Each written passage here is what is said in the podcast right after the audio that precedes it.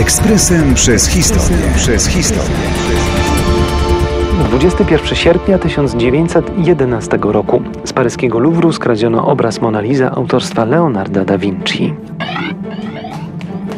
Żadne inne muzeum na świecie nie posiada równie słynnego obrazu. Rocznie Louvre odwiedza około 6 milionów zwiedzających. Ten niewielki, 53 na 76 cm i bardzo ciemny obraz, co spowodowane jest brudem, ale jak dotąd nikt nie odważył się go oczyścić, fascynuje. Po jego zobaczeniu trudno ukryć rozczarowanie.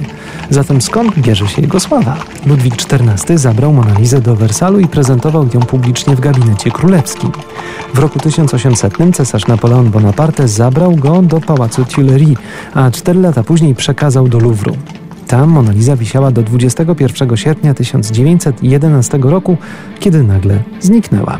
Tego dnia rozpoczęła się jej nieprzerwana sława. O kradzież obrazu posądzano m.in. Apollinera, malarza Pablo Picasso czy włoskiego pisarza Annunzio. Wyznaczono nagrodę za jej odnalezienie w wysokości 25 milionów franków. Przez ponad dwa lata policja nie wpadła na żaden trop dotyczący dzieła. 10 grudnia 1913 roku jedna z florenckich galerii otrzymała ofertę kupna obrazu za 100 tysięcy dolarów.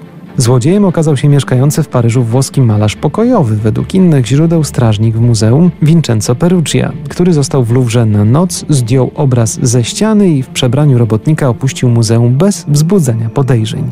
Swój czyn tłumaczył chęcią zwrócenia cennego dzieła swojej ojczyźnie, za co został bohaterem włoskiej opinii publicznej. Wymiar kary, jaką otrzymał, był symboliczny. Tylko 7 miesięcy pozbawienia wolności. Mona Lisa wróciła do Francji 4 stycznia 1900 2014 roku. Ekspresem przez historię. Przez historię.